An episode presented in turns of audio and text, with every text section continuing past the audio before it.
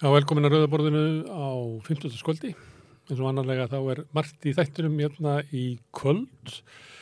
Hérna síðast í þættinum að þá koma tvær stelpur úr réttarálskóla sem að tóku þátt í, skrekk og sigruðan með atriði sem að snerist um uh, já, fordóma fullorðina hvert úlingamenningu.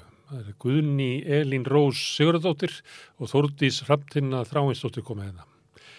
Uh, áður ég tala við þær að þá kemur líka hópur af krökkum, yngri krökkum sem eru í krakkaveldi sem við rættum aðeins hérna í gær. Ég ætla að ræða við þessa krakka um, já, hvað völd krakka, hvað völdu hafa í sínu lífi, hvað þau vilja, uh, hvað völdu vilja tegja sér eftir, hverju vilja breyti í samfélaginu og ég grunum að þau ætli að gaggrína aðeins hvernig fullornir eru. Þetta er Benóni, Birgir, Borgöldur, Brynja, Jakob, Leifur, Margret, Sólei.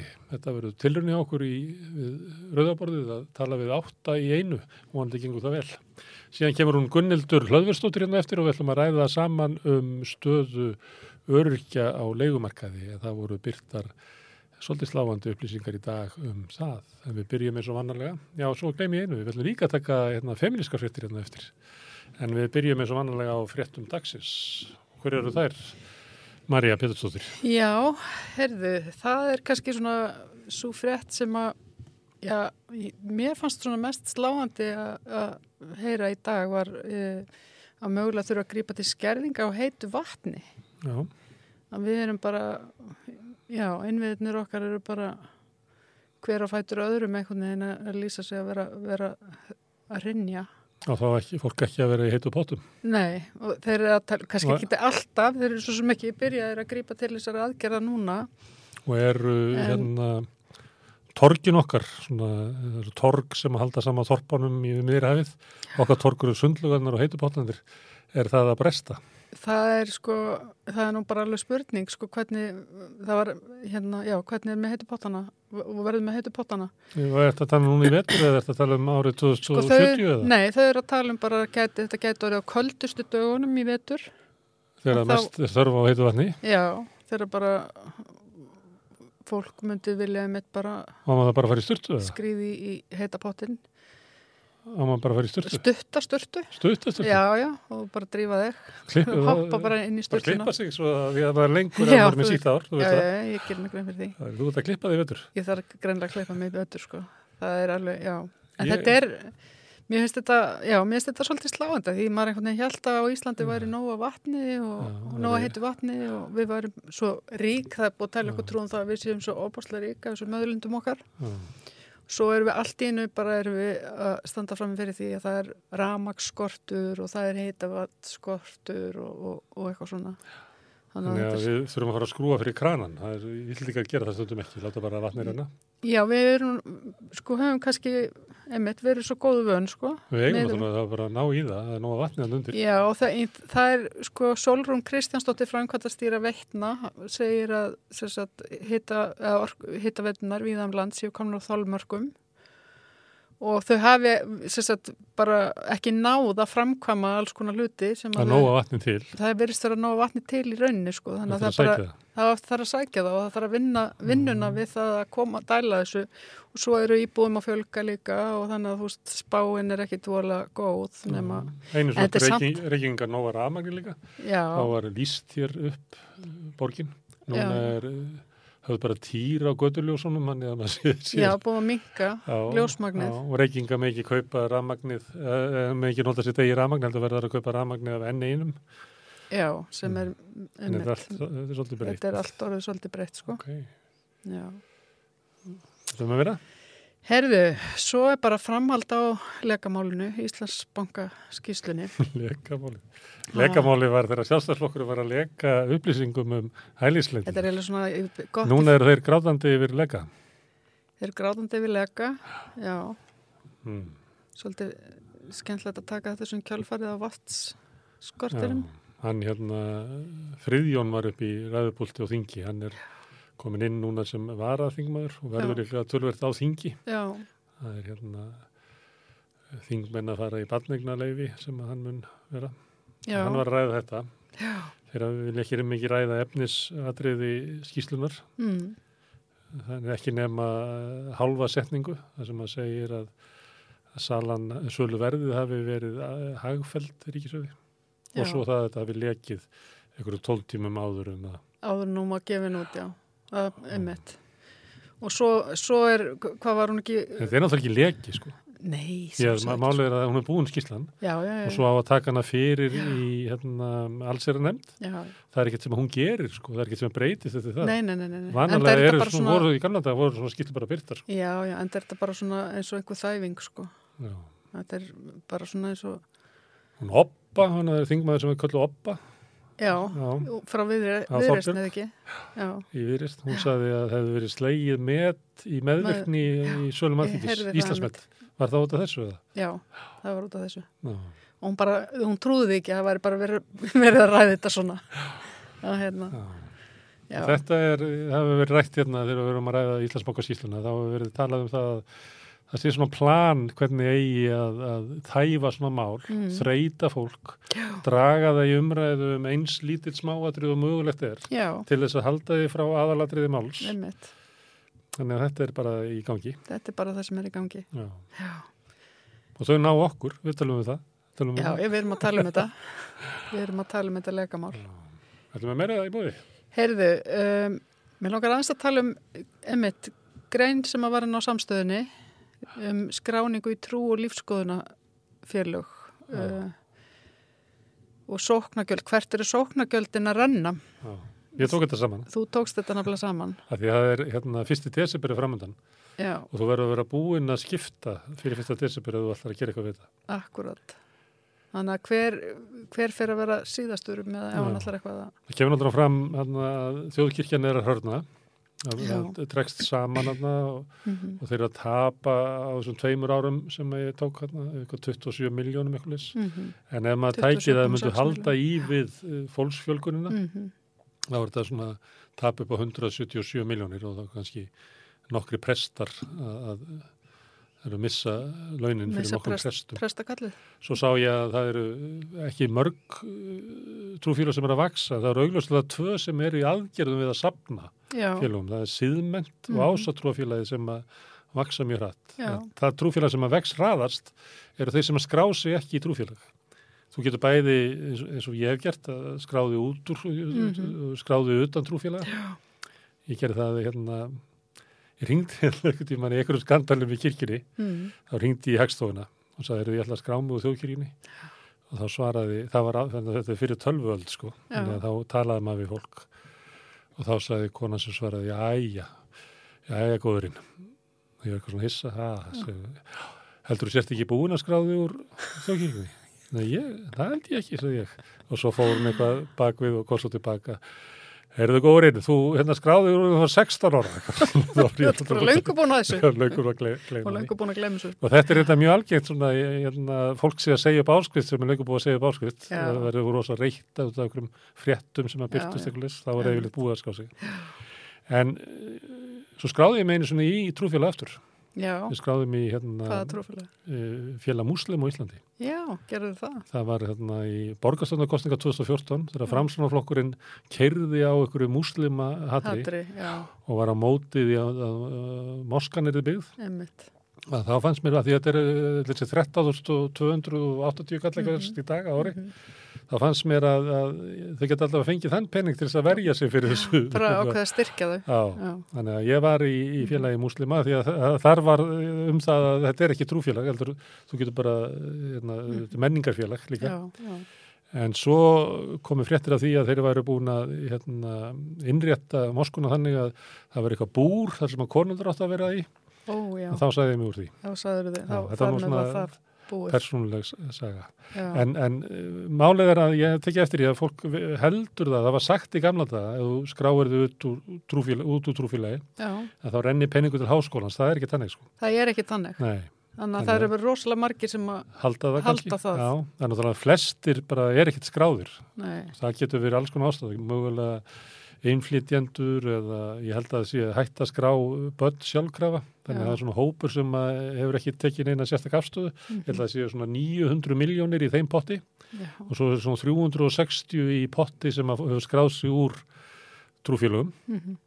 uh, það fólk ætti kannski að hugsa sinn gang hvort að það kom nú hérna sá ég á Facebook að Mm. Solveig Anna var að skrá sig Já. í Diamat Ég ætlaði að þetta minnast á Diamant. sem að gefa eitthvað, allavega eitthvað hluta af hérna sóknargjöldunum Já, uh, Þeir til voru- Pieta voru- og já þeir voru að gefa 250.000 til Já. batna á flótta. á flottabarna. Já, En mér síndist það á meða við fjöldan sem að var núna í nóvember að þá eiga þeir vona á yfir 2 miljónum í, í sóknargjöld. mhm.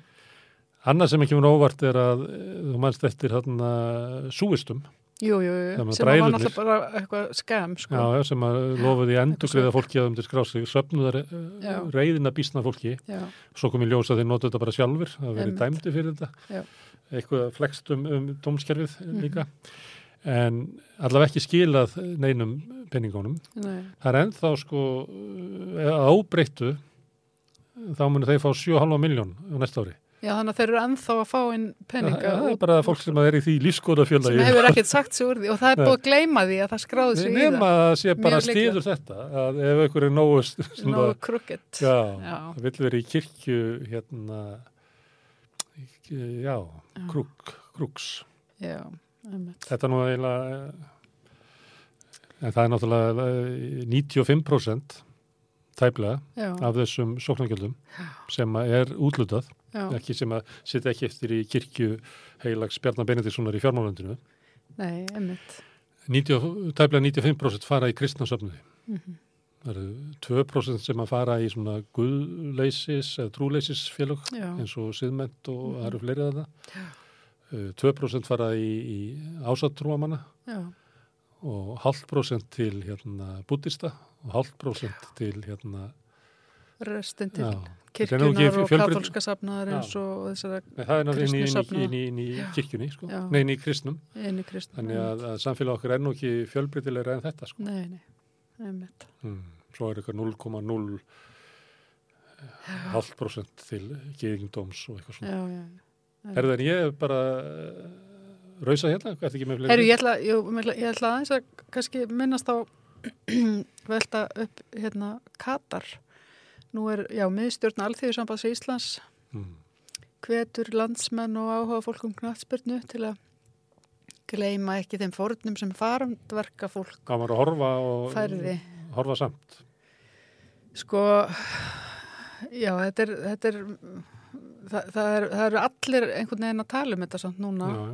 og hvart undan þessu, sko, og minnst þetta, þetta er náttúrulega búið að vera gegnum gangandi við hverja fótboltaháttíðin á fætur annari eða íþrótta, Ég mér finnst Svona meira að tala um þetta núna en ofta áður. Ég Já, meina, er Sest var sko, HM var síðast 2018 í Rúslandi, já, Pútins. emmitt, Uh, og það hafa verið vetraólubyllikar í Kína, Kína, voru bara já. þessu ári já, já, og það er ekkert svo langt síðan að þeir voru það líka. Það, svo, svo mannstu þegar það var hérna, Brasilíu. það var bæði olubyllikar og heimsmyndarkeppni í fótbolta með mjög skamum millibili í Brasilíu.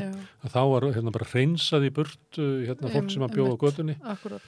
Þannig að þetta fylgir oft. já, þetta fylgir og, það, og það er spurning hvað, sko, líka hvað er svo náttúrulega búið að vera að tala rosalega mikið um, um hérna, ekki bara þrælahald og, og, og sérstætt, slæman aðbúnað á vinnufólki eða farandverkafólki sem er svoleiðis. örgulega rétt. sem er pottit rétt náttúrulega Mm. því þetta er svona eins og bara skellubeinum skellubeinum píramíta Mm. mm. það, það er alltaf einhvern veginn þeir eru svona stormút, það er verið að byggja einhverja klikka byggingar bara á með tíma og Já, já. þannig að þú veist Mikil hefð fyrir misnótkun á fólki. alveg og Mikið hérna, af fólki frá Sri Lanka og Já. líka frá hérna, fyrir sunnan Sahara sem að eru svona húsjálpir og vinna, Já, veist, með eitthvað svona mjög óljósu, sko, hvort það séu í vinnu eða hvort það séu bara Þrælar hjú bara. eða Já, þrælar. einmitt.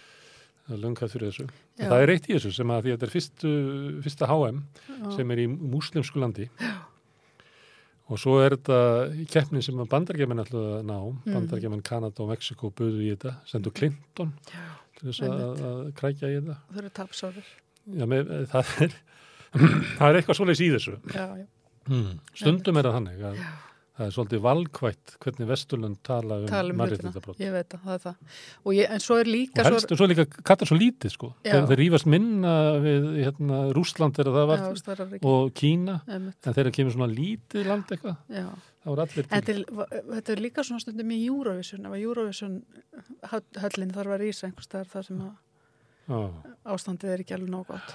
En hérna en já, ég, ég held Það samt er ekki kjósa nú upp alveg svakalega fordómar alltaf Júriusson, það séu eitthvað Já. svindla að menn séu að, já, já, að fólk séu að kjósa sko nágranna þjóðar blokkirnar. Já, já, allt þetta. sem að við gerum svo líka. Auðvitað, Norrlöndin en uh, já, ég ætla að segja að ég held samt líka að þetta er líka tækifæri fyrir mannréttinda eh, náttúrulega sinna og mann, samtök til þess að vekja aðtegli á slæmum aðbúnaði þegar það er náttúrulega verið að varpa kastljósinu Mm. Svona á eitthvað land þar sem að mannréttindi eru kannski ekki upp á tíu sko.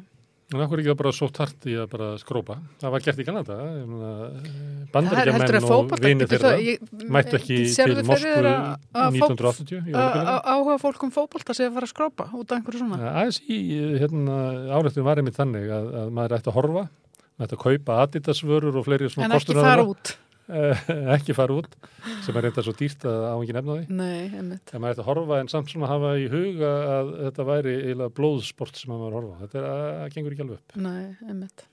Hmm. mm Herðu, órigómálið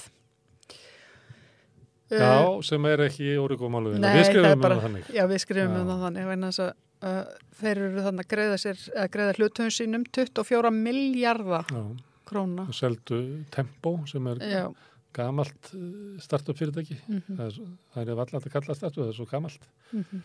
En þetta tengist sko að því að það voru allir að skrifa um það í dag að það er hérna endur greiðslur út úr ríkisjóði Mhm. út af þró, rannsókn og þróunum þróun. Og þetta er svona liður í bara st- stefnumörkun stjórnvalda um að þeir hérna hafa drepi niður svona nýsköpuna sjóði á vegum ríkisins. Já, já og nú er þetta þannig að, að það fyrirtækin eða bara geta sótt þessa peninga sjálf. Akkurat. Og skatturinn hefur gaggrind þetta. Það sé næstu óvinnandi vegur að fylgjast með þessu. Mm og hérna að þú sendir eiginlega bara inn eitthvað kostnað og segir að, að þetta sé allt í rannsókn og þróun og, og skatturinn bara getur ekkert að þetta er svo vítt, það Já, er ekki einhver skilgrinningar á því hvað þetta er, þannig þetta er eiginlega bara ofin búð. Þetta er bara gott tæki fyrir fólk að inn hérna, eins og bara þegar þeir eru verið að þvó peninga eða, eða eitthvað svo leis að senda inn eða greiða mútur eða guðum að vita hvað þetta er eiginlega bara og búið til reikninga fyrir Ég s- veit ekki, en þú kannski Nei, ég skráir segi- bara enga bílstöraðinn og segir hans í að rannsaka eitthvað, hérna, eitthvað. Já, ég ég sé, þú þú getur eiginlega flestir eru náttúrulega eru, fyrirtæki eru með eitthvað þróun, þeir eru að þróa vöruna sína, þannig eru já, já, stórir sem eru að fá peninga, þannig er dæmis CCP sem er náttúrulega alltaf að þróa leikið sinn. Og hérna hugbúnaða fyrirtæki sem er náttúrulega alltaf að þróa, það bara fylgir því, já. Það, sem, það sem ég er að reyna, reyna uh, segja er sko, þú veist, þetta er eins og þeir eru alltaf verið að gefa út reikninga fyrir sko, fyrir hérna ráðgjöf, já, þetta er pínlítið þannig það er að þú getur alltaf gefið út reikning fyrir hérna, einmitt þróun Já. inn í fyrirtæki Það er mjög erfitt fyrir skattin að fylgjast með þessu. já, og við tókum dæmi af hérna Origo mm vegna þess að hérna þeir voru að greiða sér þess að 24 miljardar Mhm. þeir hafði náð, ég held að sé ég finn ekki töluna, ég held að það verið verið hérna 1289 miljónir sem að þetta fyrirtæki hefur fengið á síðustu þremur árum í Mhm. styrk frá okkur já, frá núna- ríkinu frá ríkinu Já. og svo seljaðu hérna tempo Já. og þá greiða þeir hlutuðum sínum 24 miljardar en við hefum enga hluti í því sko Nei, einmitt Nei, við fáum ekki neitt Já. Þannig er- að og veist hverju reyga Origo? Það er náttúrulega lífyrir sjóðnum mest en, en hverju stæðist í enga hluta, hlutafinn?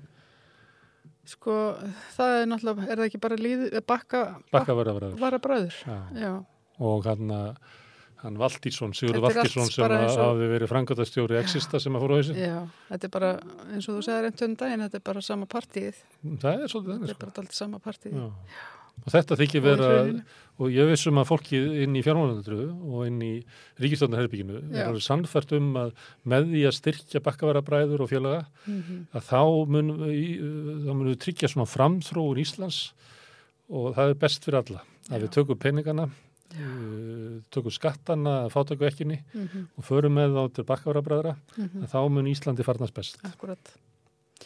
Svo er hérna, þetta er stór uppæð, við má aðeins halda áram. já, Þetta eru rúm 15% sem er ferð svona út baktir að megin út úr ríkisöði. mhm, 15% af öllum uh, tekjuskatti fyrirtækja.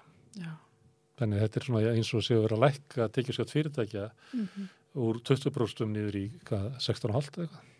já, Þannig að þetta er, er rísa ákvörðun sem var aldrei rætt að neynur á því, aldrei fjallað um þetta, þetta bara rennur í gegn.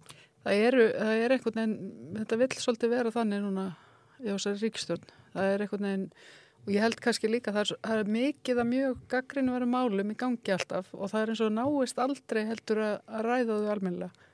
Það, Mm. það er einhvern veginn tekur eitt við á öðru. Þannig að hérna, Ok, þetta með meira. herri ég með meira, við höldum áfram að sjá sko í fréttum uh, svona uh, argreðslur, tekjur breyms af, af hérna, eða breymskilaði sínum eigundum, hvað 10,2 miljórum í hagnað? Ég hagna, þeir eru ekki búin að borga út í jarða en þá. Nei, Það á fyrstu að- nýju mánuðum þessa árs, Já, kannski ætlar að geima þetta og kaupa sér kannski tóra. ætlaði að gera það, já. Eða En, kaupa annað fyrirtæki. já, hver veit. En, Þannig að það er miljandi business að vera Milljarði. með, með hérna, stórt, stórutgerð. Já, stórútgerð og það, svo, svo er það kannski svolítið hérna, uh, kostulegt svona í fréttum núna vegna þess að það var líka verið að gera uh, rannsókn um sem sagt, það sem að framkvæmda stjórar uh, stóra sjávarútisfyrirtækja voru uh, uh, spurðir ímissa spurninga. Verður það ekki káttur og glæðir? Nei, þeir eru bara daldið, þeir eru bara, já, Nú, daldið Dálítið sárir. Já, það er bara illa að fara með þá. illa Það er talað um þá. Já, Nú vilja þeir að við byrjum þá á háist. já, það er spurning hvað þeir vilja sko. Já. Þannig að hérna, þetta er sko, já, Kristján Vigfússon, kennari við Háskólan Reykjavík, vann sagt, skýslu fyrir, eða rannsókn fyrir, sem hann byrti í tímaritunum Marine Policy Mm. og þeim finnst alveg rosa svona, já, hávær og neikvæð pólitísk umræða um sjávarútveg og þar með óvissan framtíð greinarinnar. Eigendur auðlindarinn er reynd að fá hann aftur. Þeir eru bara, þeir, þetta Þeir er upplýða mjög, ekki þannig. nei, þetta er bara mjög svona, svo er, svo er Daði Hjálmarsson útgerastóri hjá KG fiskverkun spurður sko Mm. og hann situr í stjórn samtaka fyrirtækja sjávarútvegi og hann sagðist hengja vel við niðurstöðunar í rannsókninni Já. þegar þetta kemur fram í fréttablaðinu og hérna, já, hann segir maður upplifir sér bara sem vondakallin. Það er bara þannig We are the baddies. Við ættu kannski þá að það er nú frægur skets úr bresku sjónvarpi. Já, Are we the baddies? are we the baddies Já, við kannski að kíkja það meðan að við eh, náum í hana Gunnildi Löðurstóttur til þess að ræða um húsnæðismál Já, það inn bara alveg upplagt grínskets um hérna uh, forstuðum en sjávarútisfyrirtækja. Ég var að hlusta þetta við að þannig að vera að vísa til hérna nazismas en, en þeir voru þannig um mann sem að var að veltaði fyrir sig hvort það geti virkilega verið hann væri einn af the baddies. Very well. They're coming. Now we'll see how these Russians deal with a crack SS division. Uh, Hans? Have courage, my friend. Yeah. Uh, Hans, I've just noticed something. These communists are all cowards. Have you looked at our caps recently? Our caps. The badges on our caps. H- have you looked at them? What? No. A bit? They've got skulls on them. Have you noticed that our caps have actually got little pictures of skulls on them? Uh, I don't. Uh, Hans, are we the baddies? let's see. We should be able to hold them at this point here, at least for a few hours. I mean, why skulls, though? What? Why skulls? Well, maybe they're the skulls of our enemies. Maybe. But is that how it comes across? I mean, it doesn't say next to the skull, you know, yeah, we killed him, but trust us, this guy was horrid. Well, no, but I mean, what do skulls make you think of? death, cannibals, beheading, um, pirates. Pirates are fun. I didn't say we weren't fun, but fun or not, pirates are still the baddies. I just can't think of anything good about a skull. What about pure Aryan skull shape? Even that is more usually depicted with the skin still on. Whereas the Allies. Oh, you haven't been listening to Allied propaganda. Of course they're going to say we're the bad guys. But they didn't get to design our uniforms. And their symbols are all, you know, quite nice. Stars, stripes, lions, sickles. What's so good about a sickle? Well, nothing. And obviously, if there's one thing we've learnt in the last thousand miles of retreat, it's that Russian agriculture is in dire need of mechanization. Tell me about it. But you've got to say, it's better than a skull. I mean, I really can't think of anything worse as a symbol than a skull. A rat's anus? Yeah, and if we were fighting an army marching under the banner of a rat's anus, I'd probably be a lot less worried, Hans.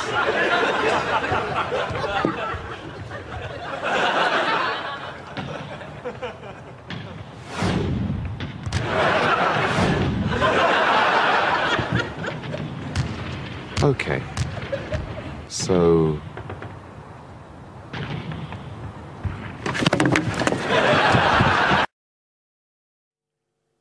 Já, það var hérna í, dag voru byrtar upplýsingar á rannsókn á stöðu örkja á húsnæðismarkaði og niðurstöðunar voru um, svona sorglegar.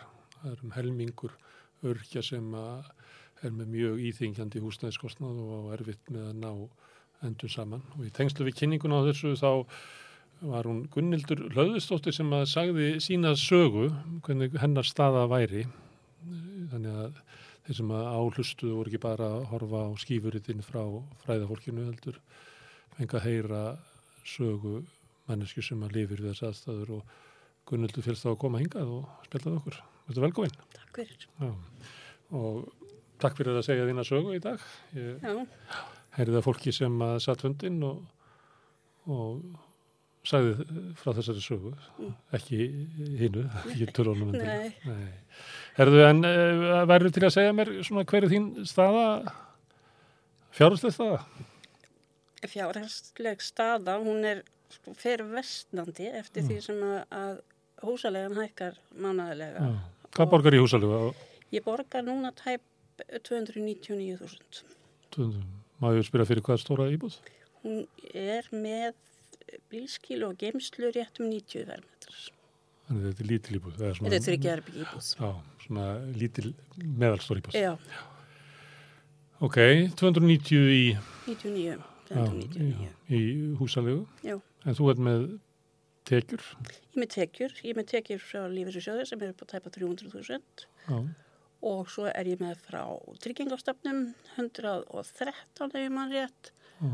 og svo fæ ég frá uh, í hérna, húsalegu bætur um 17.000 mann. Já, sem að lækkar og þannig að, að þá er, ertu að verja hvað stóru hluta af þínum rásun og tekjum í húsalegu 67% er hún. sem að hérna leigursalinn fær og þú fær eitt triðja til að lifa Já, af. Og það er lægra, ef við munar 50, 55 krónum, lægra heldur en það sem að umbóðsmaður skuldar að metur að sé það sem að manneskja þarf til þess að lifa út mánuðin. já, og þá er bara með að við, já, eins og þeir rekna þetta út, það, þú- það þýðir ekkert fyrir því að fara eitthvað út fyrir eh, lendir í að kaupa þér heyrnatæki eða gleraugu eða eitthvað, þá, þá er þetta alveg sprungin. Já, já. Eða eins og maður sem ég var að tala við hérna, það sem, að- sem að þú varst núna hérna fyrir vikunni sem sagði að, að, að ef maður þurft að kaupa sér, það þarf að kaupa sér þurkara Já, og það er bara meiri háttar sko plan um hvernig það ná að kaupa sér. Þannig að það má ekki út að breyða. það má ekki út að bregða. Já. En þú ert ekki, Ég er ekki, já. mm. en þú varst á vinnumarkað því þú ne- nefndir hann að 300.000 krónur sem þú færið frá lífyrísjónum, Já. sem færið miklu stærri hluta frá honum heldur en Já, tryggingastofnum. já. Þannig að þú hefur verið lengi á vinnumarkað. Já, ég ætla að segja ekki, tel ég ekki svona 45-46 ár Já, og síðustu 34 á sama, sama vinnustæðinum. já, Ég hætti þar sem sagt 2019 vegna veikinda. og er þá upplifinu þannig að þú hafi svona staðið þína plikt allanlega tíð og þetta sé svona einhver svik. Já, mér finnst það. Ég átti ekki vonað þessu. Nei. Ég er bara kannski ekki sett mig bara náðu vel inn í þessi mál og sem ég held bara fæstir gera ekki fyrir en þú bara lendir í því að, að fá hérna að þeir eru hægt út af vinnumarkaðinu vegna veikinda og þá ertu bara í þessari stöðu sem þú áttur alls ekki vonað. Já. En hefur alltaf verið á leikumarkaði? Nei. Nei. Uh, fyrirvættum aðeins minn og ég, við mistum megnin okkar fljótlega eftir hrun, við reyndum nú þannig aðeins að reyna að halda í það en það gekk ekki. Þannig að hún var tekin af ykkur og búin upp. Já, það var hérna fyrir slik. Já. Og eftir það er erfitt að að komast aftur inn á húsnæðismarkaðin? Já, já. Og líka bara kannski að maður að hugsa svona máli hvernig maður ætlaði ekki að hafa þetta að fara inn á, legumarkaðin fyrst. Við legðum að vísu af íbúðalunum sjöði fyrstu árin. Já. Og Þá hjá Kletti þegar Íbálánsson var með það fyrir. Nei, ég er ekki viss um Nei, það. Ekki ok. viss um það. En svo tóku þeir sér bara til og hækkuðu leguna bara eitt árið síðan þriðja ári held ég sem við vorum að lega, lega hjá þeim. Og þá fluttum við okkur aðeins um sett og hérna fó- komum 1. november 2017 þá fórum við þessa íbúð sem að, að, að ég er í núna Mm. og þú finnur ekkert fyrir þessu þegar þú ert, á, þegar þú ert í vinnu og, og maki líka þá ert ekki að hugsa um þetta vegna þess að þú borgar bara leiðin og átt alveg afgang Mm. en svo þú ert orðin einn bara, já, þá breytast, breytist þetta ansi mikið Já. Þá getur ekki dilt þessu mikla kostnaði með öðrum. nei, Mm. Þannig að leikumarkaðurinn ekki smíðaði fyrir einleip. nei, hann er það ekki Nei. En e, það að vera örki og, og svo verður maður eftirluna manneskja, mm það, eh, það er aðstæð sem að maður býr við þá og heldur ekki gert ráð fyrir að maður sé á leikumarkaði. Það er eiginlega miðast við það að maður eigi íbúð já, og sem eiginlega sára lít búin að borga lánin helst. já, það er þannig Þannig eins og mörg, að segja fórnálum prunsins, þá Já. er þú að sigla inn í eftirlunaldurinn Já. á leikumarkaði. mm og það verður bara ef, að- ef verður ekkert gert það verður ekki sett eitthvað bremsa eða bara stoppað eða gert eitthvað ég veit ekki, sko, ég er ekki í vestursporan Nei. Ég er sérst með ágætis hérna, lífeyri, svona miða við marga, en það er bara svo stórt hlutfall sem fer af þessu. Já. Það er ekkit sko að vera í mínu sem hver einustu mánuð út og samt að vera að fá um 430.000 útborgað, að það, það, er, það er svolítið skrítið við, eitthvað skrítið við það. En ef þú ert í mínus mánamót, ertu þú ekki í meiri mínus næstu? og þessu? Nei, ég á nú smá spari fyrir og ég á eitthvað af lífeyrspartnaði. Ertu nú að vera að sækja hann, þarna séregnina? Ég á svona aðeins, Já. en sérigni var ekki ætluð í það að ég ætlaði að borga húslegum með henni. Nei, ekki áður en þú ferð á nei, nei, eftirlunaldur. nei, nei, nei, nei, alls ekki. Þannig að staðaðinn í dag er þannig að þú ert eiginlega að gera stöðuna þegar þú ferð á e- eftirlun enn verri. Nákvæmlega. Akkur, eh, ég býst við að þegar þú varst að segja söguna í dag að þú var alveg fundið fyrir að fólk hafi fundið þetta að vera bara óeðlegt, að svona ætti þetta ekki að vera. Já. Þetta væri óeðlegt. Já, ég held bara að fólk sko almennt gerir sér ekki grein fyrir. Ég skal alveg viðkynna það að ég var ekki að hugsa um það hvort að auðvitað væri að borga sko hvernig, hvernig staða þeirra var þegar ég var á vinnumarkanum og fullfrísk, ég skal bara algjörlega viðkynna það og ég held að þetta sé bara mikið í þjóðfélaginu og stjórnmálamönnum líka hvort sem það er sveitarstjórnar eða, eða ríkistjórnar. Mm. Þessu svona blindir fyrir Já, þessu. algjörlega. Mm. Kanski líka því að við, það er ekki mikið fjallaðum mynda í fjölmunum. Nei, það er yfirleitt bara, sko, ef að auðvitað tala eitthvað um að þeir hafið ekki gott, að þá er það bara, það er bara væl. Mm. Og eins og það að vera endalast að tala um þess að 30% hækkun Sem, Sem að- að var núna í hérna- sumar. sem var þannig í sumar. Ég er núna með 3.000 krónum herra í, frá tryggingastofnun heldur ég fyrra á mánuði. Mm. En er húsarlegan, hvað er hún mikið herri heldur en í fyrra? Uh, hún var, nei hún, já, hún var 65% held ég af ráðstöðunum tekið mér fyrir. Já. Þannig að hún eldir það alveg, Já, allt sem já, hún færð. já. Það því að uh, verðbætundur á húsaleguna, þær uh, fara hraðar heldur verðbætundur, þessar auka verðbætur sem komi núna í sumar, sem voru náttúrulega því að verðbólgun hafi verið svo mikil. Já, já, Þannig að raunverulega bætti þetta hag örk ekki neitt. nei, Sko. nei, nei, ekki neitt. En af hverju heldur að samfélag okkar sé svona? Vantar umræðina Mm. og fólk bara setja sér svolítið inn í þessi spór. Mér, svona, já, eins og ég sagði hana, ég viðkynna alveg, ég var ekkert setja mig inn í þessi spór þegar ég var bara frísk manneski og var að vinna og, og hérna, en um leiðu út komin í þessu stöðu, þá, þá þarftu í raun og veru bara og ert hissa á því hvernig, hver, hvernig kerfið virkar. Eins og bara þessi húsnæði sem að lofað, lofað, lofað. Þá byggja þetta margar íbúðir á, á næstu þremur árum. Hva, eh, hvað er fólk að gera sem er að býða eftir því að komast í eitthvað húsnæði sem er kannski, já, ég myndi alveg vera til í það að lækka um 100 áskall í, í, í hérna, borgarlegu, Mm. en ég get ekki beðið með það í þrjú ár. Þegar þú varst að nefna tölunar, Mm. þá sagður að væri með hérna í húsnæðisbætur 15.000 Nei, eða 17. 17.000. Já, Uh, Hámarsbætunar eru 54.000. já, ég er svo Akkur ertu ekki með 54 skrúnur í? Þetta er svo tekjuhá? Ég er svo tekjuhá.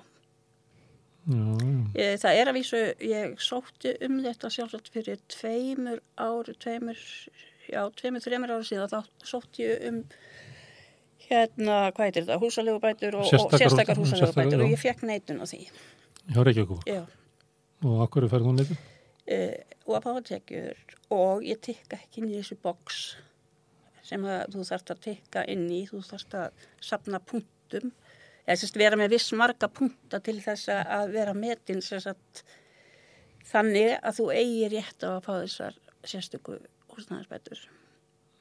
Hvað, puntaði í hvað? Það er punktað í öryrki held með minnir þetta séu tveir punktar að vera öryrki, öryrki með eitt, bad, þrýra, fjóri punktar og, og svona, það, það er bara svo vant að vera einn, ein, sko, að vera öryrki að vera einn. Það er bara svo þú, þú ert eiginlega alltaf einhvers þar aftast. Já, Ertu með heimaþjónustu, uh, nýtur ykkur annar á þjónustu, já. Þannig að þú, hérna, auðvitað vill maður bjarga sér eins og maður getur. En kerfið eiginlega vill að þú sért frekar, sko, að þú þykir einhverja þjónustu af Reykjavíkuborg Mm. til þess að fá einhverja punta sem að gilda í, hérna, Þannig að það er eitthvað svona mat já, í það já. Ég held að þetta væri bara, þú er með svona mikið að tekjum og húsnæðiskostnaður er svona mikið og þess vegna ferðu þessa bætur. Það er ekki þannig. Nei, Þannig að þú þarf að sanna þig verðuga að fá bætunar. Já, En í, hérna,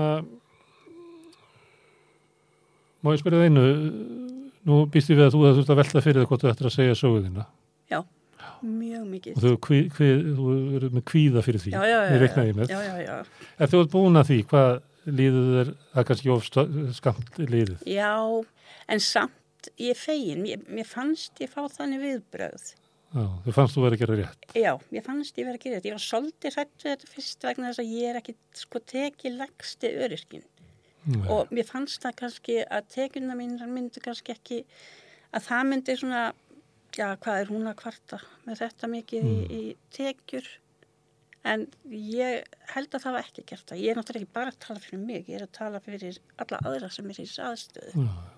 Og það náttúrulega er algjörlega geggjað ef að einhver sem á uh, einhverja íbúð geti tekið sko tvo þriðju af tekjunum þínum. Mm Fyrir það eitt að eiga íbúðuna. Já, já. Og við reiknum með því, ég myndi ég halda að það er mjög erfitt að finna út úr því að leigan sem þú borgir, borgar ní- tvö- 295, Nei, 200, 90, tæp 299. að 299, já, er alveg um 300 Já. skonum. Nei, 289. Ég Já, ætla- 289, ég- ég ætla ekki já. Já, ok. Hafa þetta rétt. 290, ef við Mm. bara segjum það cirka, að það er eiginlega ómúðulegt að, að trúa því að það sé, sé ekki tölvöld umfram þann kostnað sem að húsegandin hefur. Já, Hefur þið sótt um í félagsbústu? ég tikka ekki bóksinn. Þannig að þú færð ekki, þrátt fyrir að, að sko húsarlegan á almennumarkaði sé, að- sé að ganga frá bara kaupmæntið þínum já, já, og mögulegu þínum á að lifa bara sæmilugu já, lífi, já. Að þú færð ekki að segja um. Ég hef vísa ekki prófað það, en ég veit að ég tek ekki bóksinn. Mm. Þannig að ég hef ekki reynda. Bara ég er að býða til að hérna, Brynja opni fyrir um, umsóknir. Brynja, Já. hérna. Það vondið þess. Þeir lokuðu nú fyrir nokkrum árum og svo að lokuðu bygglistið var í tíu ár. 2018. Já, nei, nei, það, þeir opna eitthvað tíman og hérna, þá sækjum við um þar. Já. En það er samt, og, jú, það, það er hagstæðir í leiga. Ekki En- svo mikið, en að það er miklu minni munur núna en áður var. Það var meiri munur á Já. því að, að, að, komast að hjá félagsbústöðum. Mm Það, það hefur svona þokast nær svo kallari markaslegu. Já, já. og líka hjá Brynja. Og hvers vegna, hérna, það er, það er bara, en, en, það er samt, það myndi muna, það Já. myndi muna heilmiklu. Já. Það eru margir sem segja það. Það hefur bara breytt öllu að þeir eru komist í örugt húsnæði. Já, já. Mm. Og það er líka, jú, jú, ég gæti alveg farið í blöðin og reynda að finna eitthvað ódýrari íbúð, ég gæti alveg gert það. En minn sjúknum er bara þannig að ég lappa ekki upp stiga. Uh, Ég get ekki farið út og að skafa bíli minn eða, eða móka á hann snjóð. Þannig ég þarf að vera með liftu og ég þarf að vera með bílskili. Og fara kannski í einhverja tveggja herbyggja kjallara hólu eða eitthvað sem myndi vera að leita á 180-200 þúsund. Það er bara ekki gott fyrir hilsuna mína heldur. Og kannski óöruglega þannig er ég þó í öruglegu og af legufélagi og, og hérna er með bílskili, er með liftu þarf ekki að standa í einhverjum þrifum og samegn og þannig, þannig, að, þannig að, að hérna, ég er rosalega ánað með húsnæðið. Þetta búin að búa víða eftir að þú mistir íbúðunina? Nei, Nei. e, bara eigilega bara þarna. Var smá millibil þá hérna var ég annar stað, fór út til Vestmanneja í nokkra mánuði og hérna og komur svo og vorum þá búin að fá útlutað sest, þessu húsnaði. Já. Þannig að þinn megin vandi í lífinu er eiginlega húsalega. Já, Það auðvitað langar mann að gera eitthvað, ég menn það, jú, ég ger alveg ímislegt, ég, ég er ekkert að kvarta þannig laga, ég, á alveg fyrir mat og, og, og svona það er ekki það er sem ég að Þetta, er bara svo óréttlátt að vera búin að vera á vinnumarkaðnum næstu því halva öll, borga í lífeyrissjóð, borga skatta og allt þetta.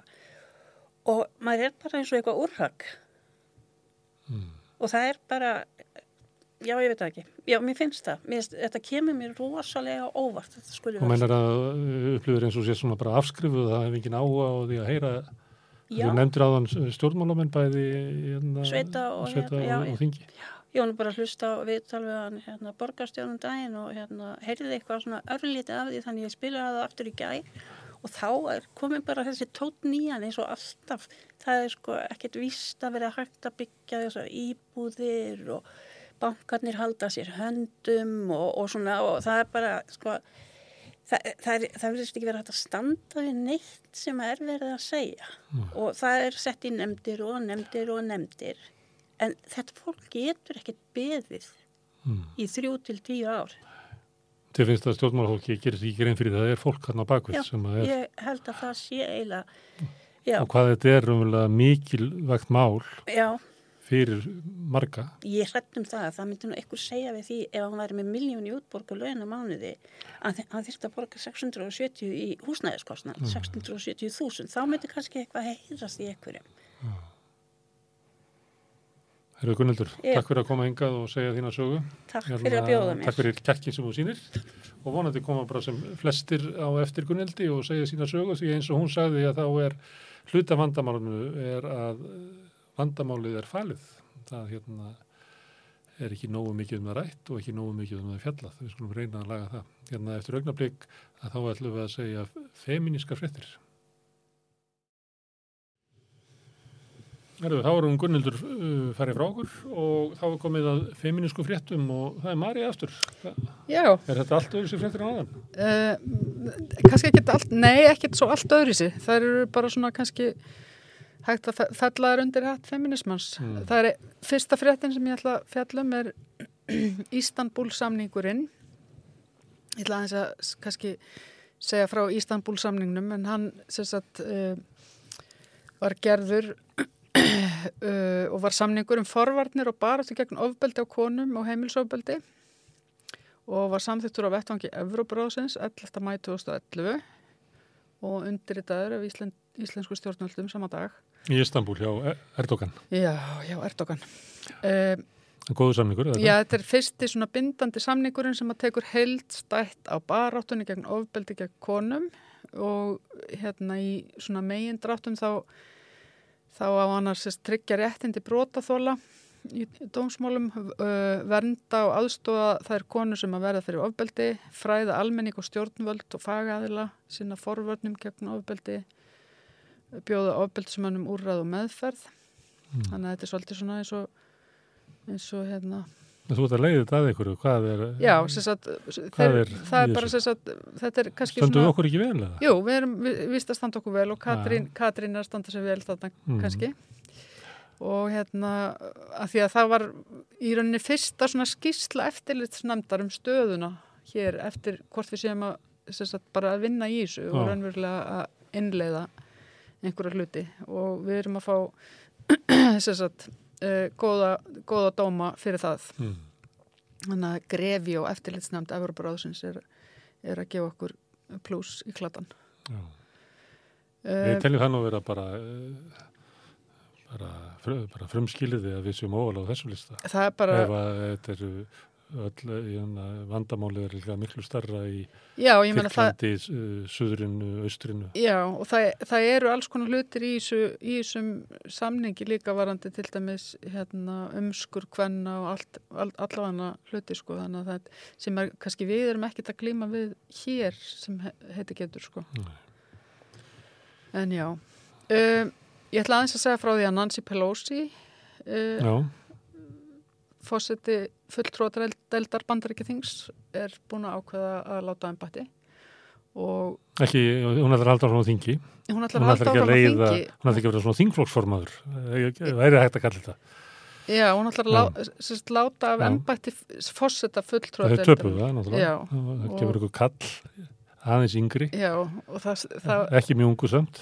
Hún er mjög gömur hún er, hún er 80 og hvað, 20 ára? 82 já Er hún er alveg, eldri en bætinn. Hún er eldri en... Hann er áttræður.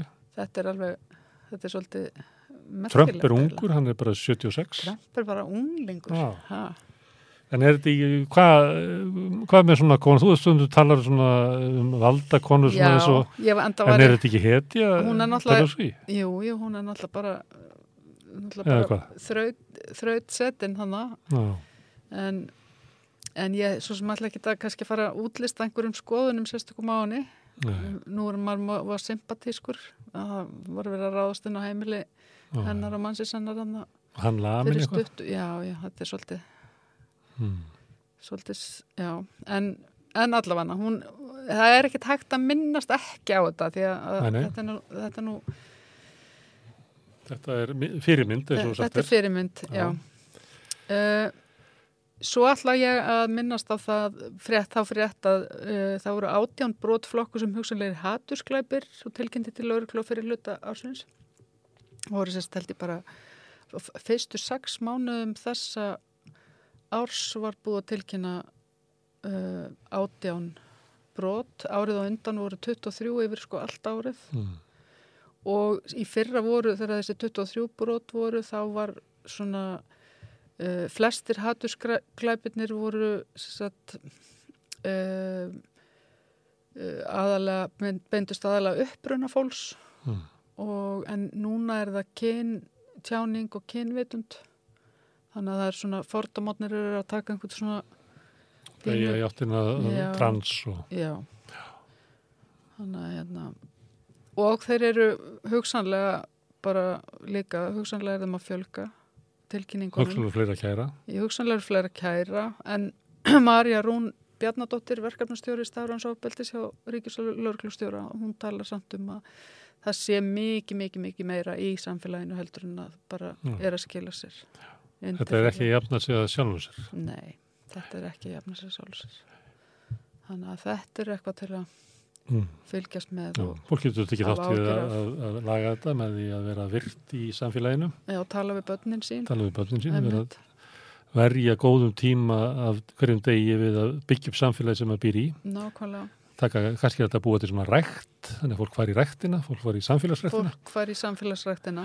Því að við ætlum að hafa heilbrygt, við getum átt heilbryða sál og heilbryða sið- líka, maður við erum líka að hafa heilbrygt samfélag. já, einmitt. Og svona sinni siðferðin aðeins Já, siðferðisvitundur Já eða byggja upp svona samfélag sem við eigum hérna á mill okkar, þannig að við verðum að gera það, það verður ykkur að halda því uppi, annars, missum við það bara, já, já, við það gerum það brottar í svo egg. já, við gerum það. Herðu, svo ætla ég aðeins að tala um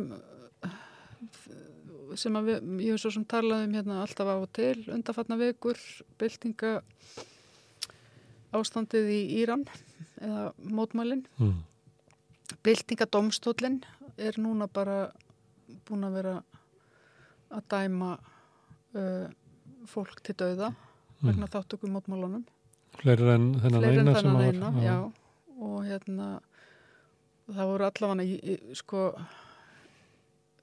það voru allavega, sko, í, hvort það var í fyrra, það voru komni tvei, ég menn ekki að hann sagði frá þessu fyrst, sko, það var einn, svo voru komni tveir daginn eftir, þú veist, og svo eru þeir rótni fleiri núna. Þannig hérna, En mótmannir, halda þau áfram?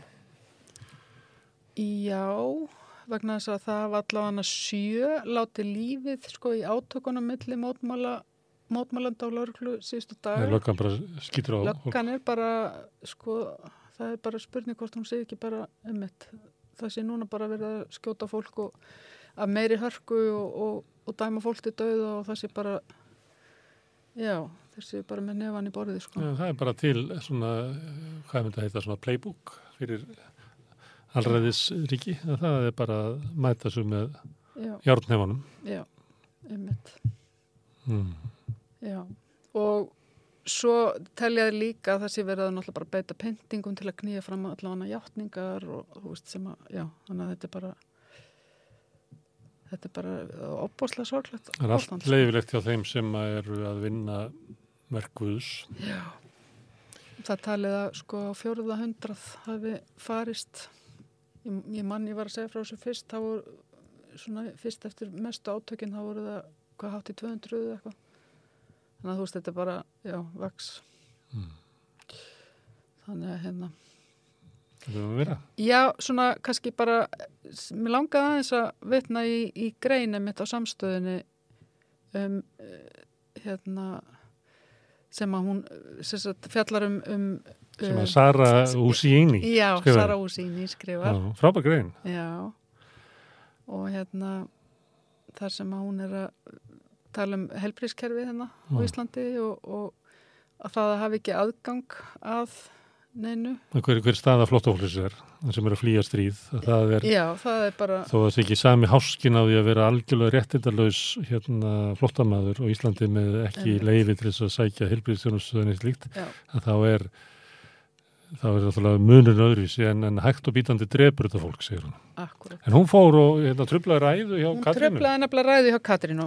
Það er, Það er alltaf verið að trubla Katrínu þess að dana. já, hún ætla bara, hún er búin að hæla Katrínu aðeins hérna Mm. og, og ég ætla nú aðeins að kannski þess að minnast á þetta líka að því að því það er eiginlega svo sorglegt hvernig Katrín bregst við henni e- eins og hún segir frá því allavega að, að hún trublar þarna ræðu Katrínar og Katrín í segir það kjallarhorn." segir mér enginn sko að Já. hægt að tala en Sara segir svo sjálf sko, ég þarf alltaf að byggja um leifi til að tala og Mm. berjast fyrir því að fá að tala, fá að láta rödd mín að heyrast. Það er þessi svona forréttind að blinda hana hjá En mm, bara eh, hlýtur að vera, sko, að því svo er maður, svo er maður að fylg, fylgjast líka núna með flotta fólkinu sem var að vera að senda aftur til Greiklands og svo flotta fólkinu sem var vera að senda til Ítalíu, hvað er gæri já. þú veist, þetta er bara sem maður bara skilur ekki, af hverju fær ekki að vera. Og fólk, einhvern veginn ráða fólk getur ekki upplefa þetta fólk sem venjulega manneskjur. nei, Það sem er mjög góð sagan sem hún segir að sjálfur sér hún Sara í þessari grein. Það sem að lýsi sko aðstöðu flóttafólks hún er búin að þvælast, víða, um í að- leitað Einmitt. bara skjóli, einhverju möguleika til þess að geta að lifa lífið sinu eins og ánáttúrulega við um allt flóttafólk mm, en hún bara segir þess að sögu uh, skýrt. já, Annars er þetta nú bara svipað og Gunnildi sem ég var að ræða við að það er svona að bara blinda fyrir aðstöðum þessa fólks Já. sem að stendur veikt einmitt. sem er líklega stærsta vandamál í samfélagum okkar. Þetta er það. Við sjáum ekki þá sem að þjást mest heldur við alltaf að laga stöðu þeirra sem að hafa það best eins og Já. kom hérna fram á það, við vorum að tala um bakkaverðabræður og já, já, óríku sem að fengu styrk frá ríkinu það búa. margfalt á við það sem að Gunnildur og, og allt það fólk sem er í hennarstöðu þarf að halda. alltaf verið einhvern veginn að gera þetta þannig að einhverjir geta sogað allt út úr samfélaginu Mm. Sem einhver annar þarf á að halda í raunverulega. Þetta komið, ég er náttúrulega eftir að tala við svo mikið börnum og þau eru að fara að sofa sko, ég má ekki vera fram á nótt með þau. Ok, herðu, þetta voru feministka fréttir en núna er eiginlega bara framöndan barnafréttir. Fyrst hérna ætla ég að tala við krakkana í krakkaveldi. Þau koma hérna átta krakkar og þetta verður tilrun hérna við rauðaborðið að ræða við átta í einu, ég vonandi gengur það. Og svo þegar ég er búin að tala við krakkaveldi sem eru krakkar svona aldrinu kannski já, 7 til eh, 12-13 ára. Þá ætla ég að tala við tvær stelpur úr réttarhóllskóla sem að unnu skrekk um daginn og ég ætla að tala við báða þessa hópa svona um, um börn og hverju þau ráða og hverju þau vilja ráða og hverju þau vilja breyta. Krakkaveldi eftir augnablik.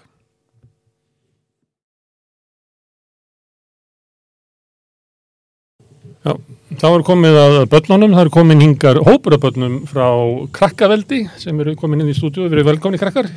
Þau eru hérna Leifur Otto, Brynja Steinun, Jakob, Fridrik, Birgi Logi, Benoni Ingi, Borgöldur Lukka, Margret og Sóli Hulda. Við erum öll velkomin. Herðu, getið þið byrjað að segja mér hérna, hvað er krakkaveldi? Já, viltu segja? Ok. Það er um, sem krakkar stjórna. Nú, hvernig, ég meina, og hvað gerir þið? Um, við gerum alls konar. Já, það sem að þið ykkur langar til að gera hverju sinni? Mhm. Já, já. Við erum með svona barnabar, þar sem við uh, færum ykkur drikki sem við höfum búið til og oftast líka smá krabb.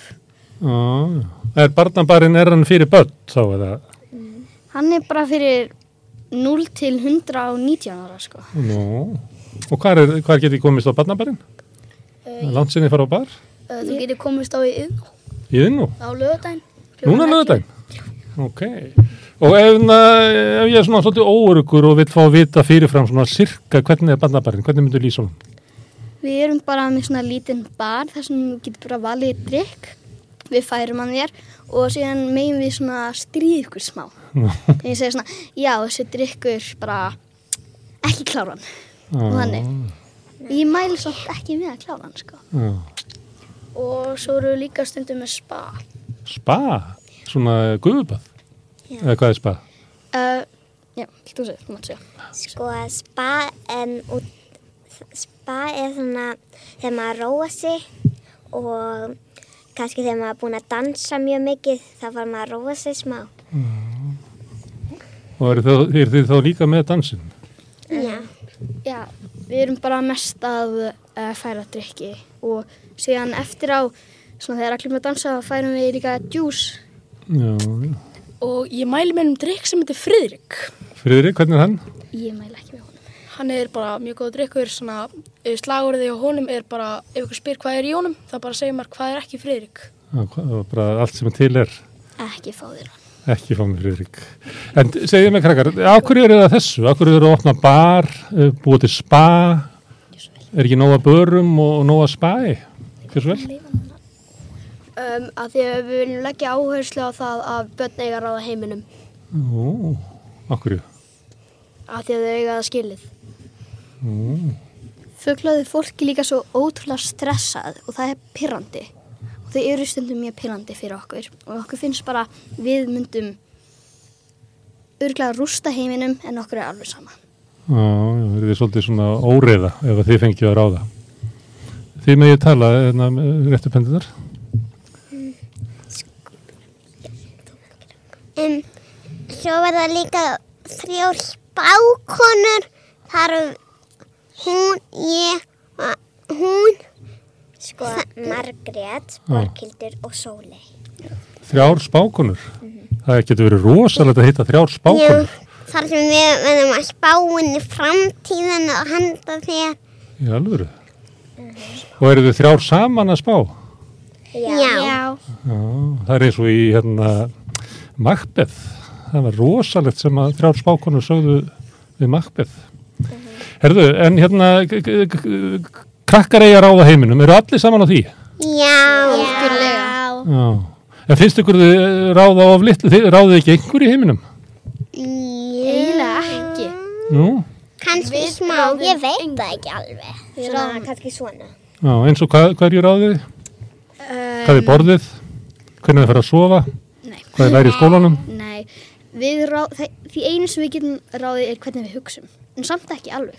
Nú, okkur ekki? Ímynd, við getum, hug, við getum, það eina sem mér finnst ég geta ráðið er heimurinn minn. Ég, ég stjórna honum. Ég er Já.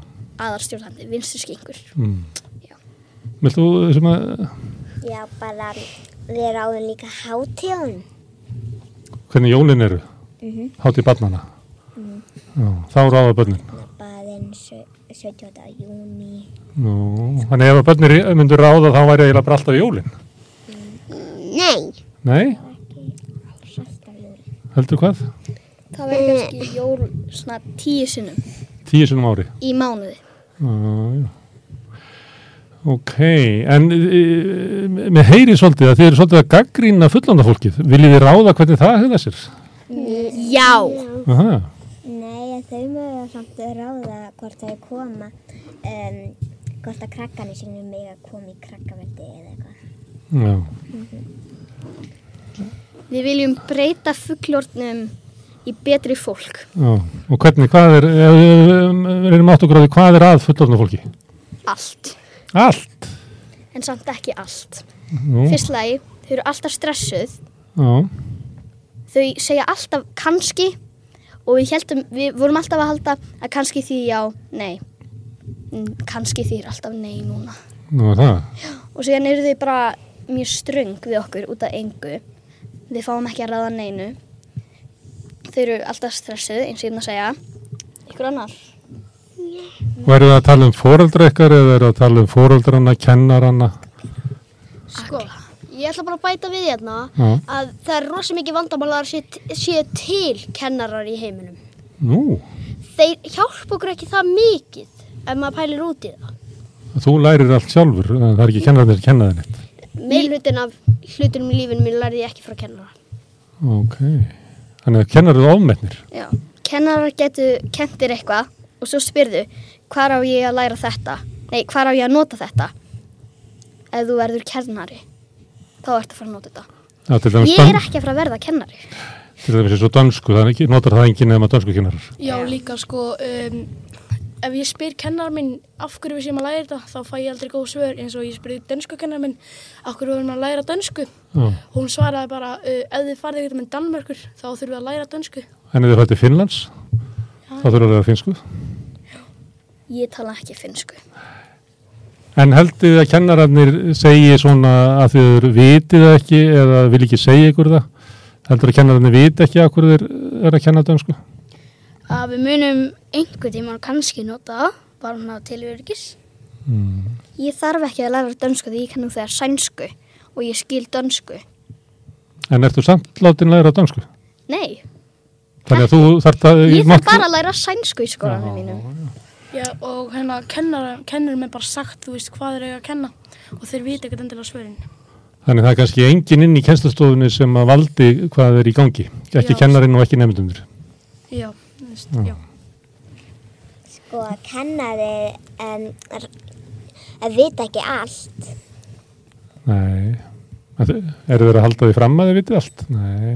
Sko, kennari minna að fara til útlanda. Mm. Okkar.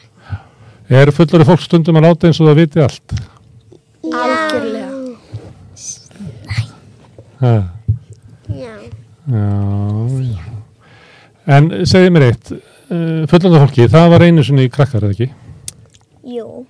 Þannig að Ég þeir, hef enga hugmynd.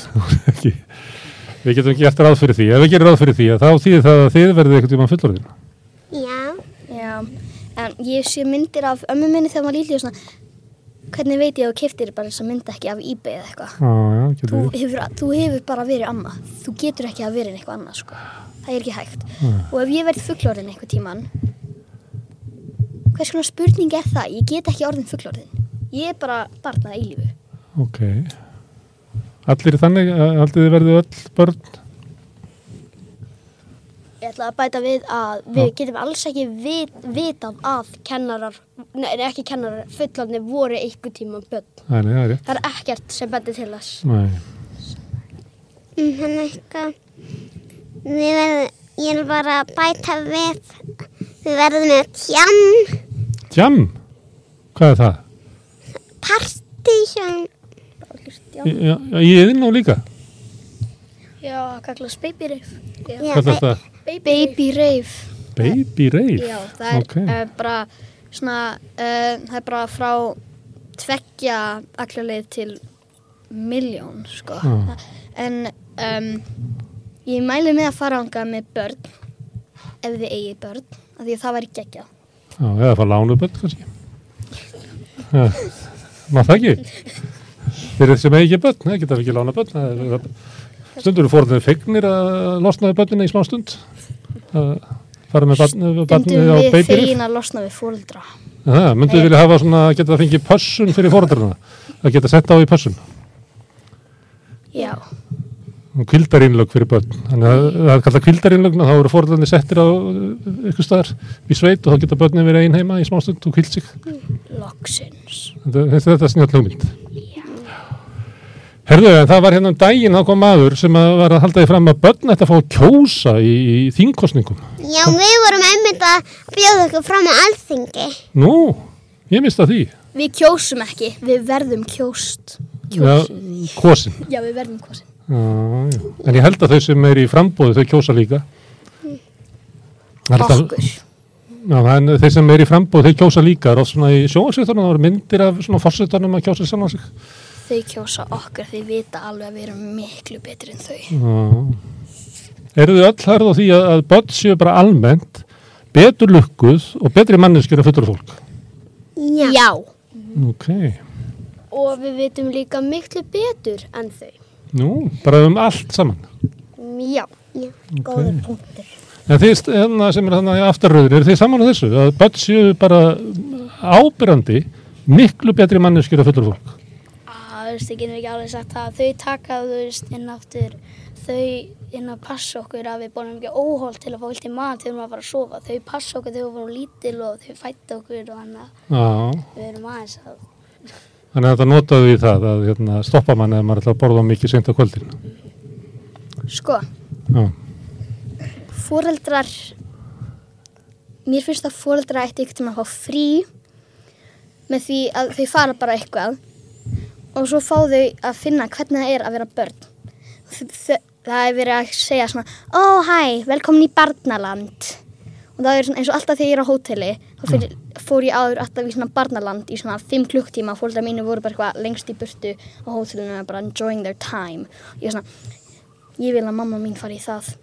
Know how it feels. Það fannst left þér, alone. fannst þér tekið á mótið þér í barnalandi svona eins og værir, væri eitthvað svona ekki alveg uh, alvöru manneskja. Tala við þig á undarlegan hátt eða hvað er þetta að meina? Nei, það er bara svona þú, þú, mamma þín tekur þið bara í barnaland og þau segja bara svona, já, núna hérna lektu þið börnin og svo eru þið farin. Og þau bara svona, mamma, halló? Ó, það eru engin önnu börnina ó, þau eru öll með fóldur sínum ég bara svona, þá segir hún að, nei, nei, nei þannig að segja, hann er barn ég bara svona, you should know how it feels já. Þú hundur vilja fara með eh, mömmuðina í svona mömmuland og skilja hann eftir. já, En hvernig finnst ykkur svona þegar þeir að halda fram ykkar skoðunum og koma með kröfur og, og, og, og úttala ykkur um hvernig fullanda fólkið er? Finnst ykkur að, að þessi hlusta á ykkur?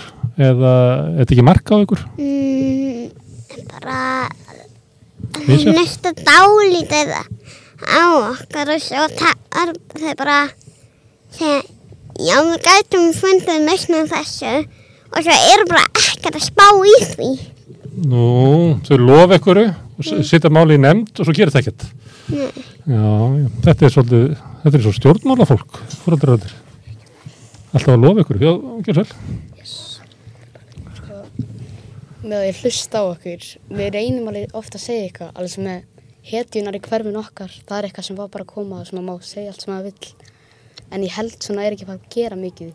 Við erum ekki mikið hlustað á. Hva, hva, hetunar í hverfin okkar, hvað er það? það er svona það sem maður má segja og sem maður finnst geta breyst. Já, og það er frábær hugmynd. Þá getum við krakkar sagt eitthvað. Já, þá getum við kannski við hlustað á. En nei, það er ekki það er ekki nógu mikið hlustað á já. það myndi ekki skaða miklu að hlusta á Segðu mig frá þessu hetunar í hverfin okkar, hvernig er það? Er það eitthvað, komum við börn þá bara okkur ákveðin stað og segja skoðum sína? Nei, ég, held, ég veit ekki mikið um það, en ég held svona að maður getur bara farið eitthvað að svona online og bara sagt hugmyndir. Já, Alveg svo að vera að tala um að setja sveppa stitti í breiðoltið sem minnst frábær hugmynd. já, Bara kekið hugmynd. Svona, já, Þa, það vann nú einu svona hérna uh, í svona samkjöfni um betri borg þá vann að, að setja stittu við vestubæjalögin af honum hérna hvað heitir hann, Kænu Vest og það vann, já Kænu Vest það vann, en hún er ekki að það komin. Það er skandal. það er skandall Það er algjör skandal. Og er það þá þannig að, að, að, að ykkur finnst sveppi eða skilja að fá stittu, það en fullanda fólkinu finnst sveppi bara ekki nógu merkilur, þess vegna er ekki stitt á hann. Og það- er, það, er það svona dæmum að, að, að vera að móta heiminn svona eftir því hvernig fullanda fólki vill hafa? Að ég veit ekki hvort það er búið að vinna, það er alltaf með eitthvað stig, það er alltaf að margir að kjósa. Að hafa mynda sveppa, nei, stitta sveppa í bregðoltinu. Hann er úr bregðoltinu, Já, eina hetjum hverjusins. já, minnst það góð hugmynd að setja Já. sveppa stitti í breiðoltið. Já eitthvað fleira sem að þegar komið kröfur einu sinni var ég að lappa á eftir ykkur í, í kröfugöngu? Ég man ekki hvað þið voruð að heimta þá. Ég held að þið verið þið vildu fá uh, ódýrara nammi. Nei. Nammi á bara að vera frítt. það var frítt nammi. Frítt í strætó?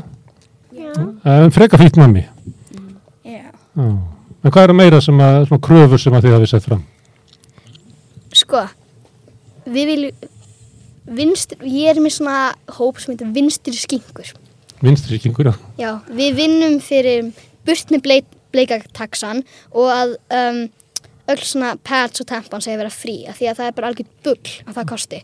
Í sumum löndum er það svona raka, rakakrem fyrir um, menn frítt. Og mér finnst það bara svona af hverju er það ekki frítt fyrir stelpur að fá um, tampons og pads, þetta er bara algjör bull Já. það kostar svo mikið hver einstu ári og við værum rík núna ef þetta væri frýtt sko Já, og mér finnst bara alveg hræðilegt að það sé ekki frýtt ok.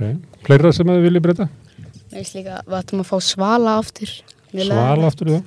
En Friðrik, það er nýttur ykkur, hann, hann mun taka yfir. Svala. Er.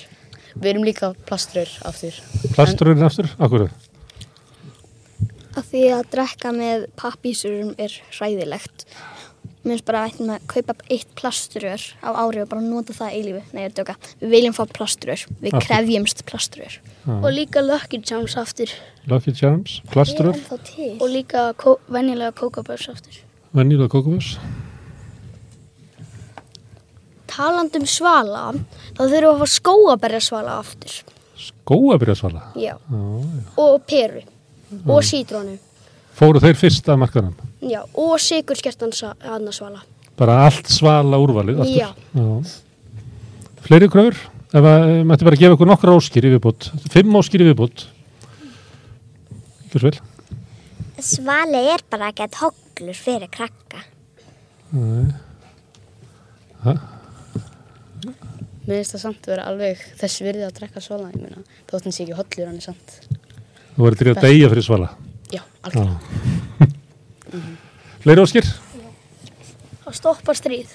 Stoppa stríð. Já, það er ekki tilgangur til þess. Og mér finnst að þetta koma Shrek-svali. Hvað séu þú? Mér finnst að þetta koma svona Shrek-svali. Svekk. Shrek, svona græna trullið. Já, svekk hann að kallin, ekki skrekkur. Má bjóða þeir ósk um að breyta ykkur í samfélaginu? Allt gott.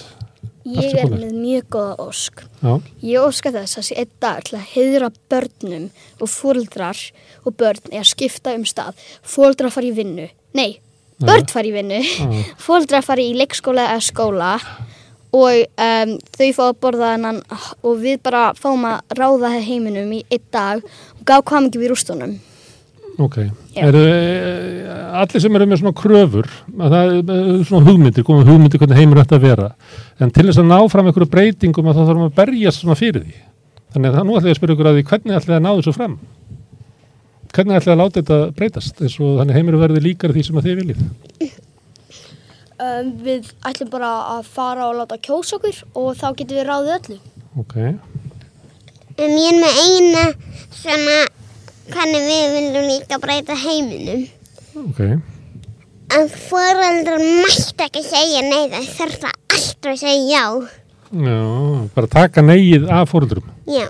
Ef þú vilt eignast barn, að þá máttu verður að skrifa undir það að segja aldrei aftur nei. Já. Ok, Við bara myndum bara halda áfram að mótmæla, hann gott alveg myndum fá réttin. Ég minna við erum krakkahaldið búið í gangi síðan 2017, þannig að við myndum bara halda áfram. halda áfram. Serðu árangur af því? Þú er búin að vera með frá uppæðið ekki? Jú. Já, serðu árangur af starfinu? Já, ég meina við erum alveg búin að vera með marga sýningar í Yðná og Norrnóvisinu. Við erum alveg að sjá árangur. Mm. Fólk tekur ykkur öðruvísi núna heldur en 2017. Já, fólk ætti að taka okkur öðruvísi en fyrir fimm árum. Ok, það Við er erum gott. að ná svo miklum árangri að við erum núna að fara að um, fá að byggja okkur fram á alþingi sem er bara crazy sko. Já. Við erum svona 11 ára og 7 ára og 8 ára og 9 ára og 10 ára krakkar og Já. 12 og við erum bara að fara að vera á alþingi sem er brjálað en geggjað. En af hverju ráða um fuglarnir en ekki krakkar? Ég veit ekki, kannski að þau koma undan. Ég veit ekki. En ég held að sé þannig að þú mátt ekki bjóða þig fram til þings nema að vera orðin átunar. Já, við erum ekki að fara, við erum að fara að fá sjálfbúðaliða sem er að fara að bjóða sig fram og við segjum þeim bara hvað hann á að gera. Við erum svona, já, þú átt núna að segja allt nammi er frítt og, við, og líka þú átt að bjóða þig fram sem fósetta þannig að við getum orðið fósettar. Þið ætla að finna þess að svona statista til þess að, að vera á listanum fyrir ykkar hann. Við erum ekki búin að finna það. Eitthvað, Vantar eitthvað svoleiðis fólk eða? Í, Læknir minn var tegni að vera Á lista? Fyrir þig? Já. Ok. Þetta er aðalplanið. Það, það er að hérna, bjóða fram til þings og ná völdum með því. Hm. Herðu, er það eitthvað eh, í lokin áður en að, að við hættum? Já, fyrir svolítið. Við krakkahaldið verðum með sýningu, lögadaginn, Laugardaginn, í- barnambarinn í Yðná. Inn í þið nú. Það er bara Hvenær byrjar? Klukkan hvað? uh, 11. 11. Hve- Og því hvetið allar til þess að mæta, sérstaklega þá sem uh, eru með börn. Algjörlega, bara allur aldarshópur. Já. það er samt fólk yfir miljón, þúsund, trilljón má ekki koma. Af því ok. það er svona aðeins og gamalt. Það er svo gammalt. Hérna eitt í lókin. Góð krakkar. Góð krakkar. Herðu, við tökum myndi það og gerum núna östu hlýja og höldum áfram að tala við uh, krakka. Uh, við ætlum að tala hérna við krakka úr réttarhóllskóla sem að voru að vinna skrekk eftir augnablik.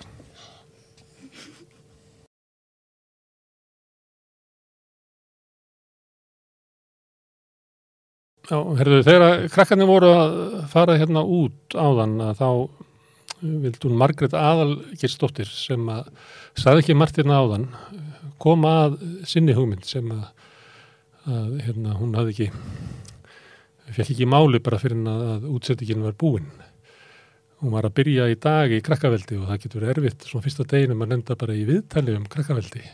En hennar tillega var það um að það er ekki til peningar í heiminum. Það er eiginlega það sem hún vildi koma á framfæri.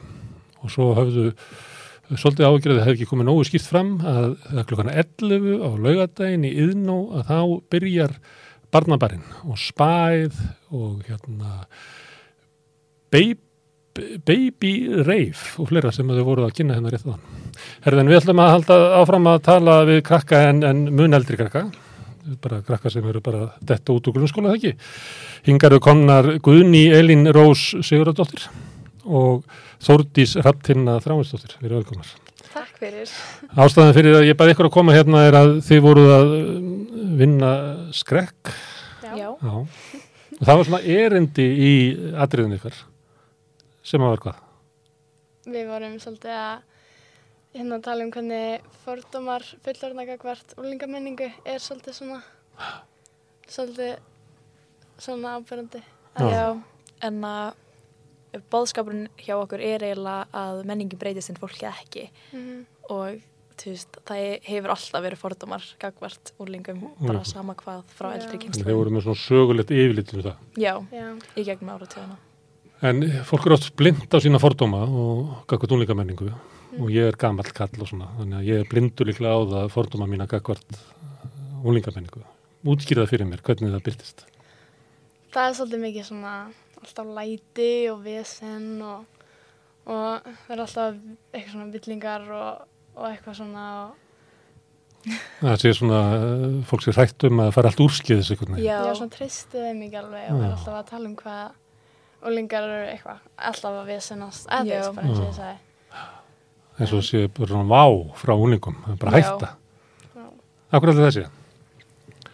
Ég, Ég sko, ég bara veit það ekki, ég finn ekkert rosalega mikið fyrir um, fordómum gagvart úlingum, kannski eitthvað smá með svona síma, þú veist bara svona síma. ég var ekki í símanum, þá er ekki til símar þegar ég var Já. eitthvað svona þannig og það er alltaf verið að kalla okkur símasjúk. Það krakkaði sem voru hérna áðan, sem eru yngra þig, þeir svo að fóröldum eru alltaf í símanum. Já, fóreldrar eru, foreldrar fullorðið eru- fólk er jafn slemt sko, með þetta. Já. Ég, en samt þess að mikið tala um úlingana og hvað þau eru föst í símanum og, Og samfélagsmiðlum og já, öllu þessu. samfélagsmiðlunni, já. Þannig að það eru gerðar aðrar kröfur á ykkur heldur en fullorðu fólk. Já, vitið. svolítið. En þetta er svolítið svona vítarhingur, skilur.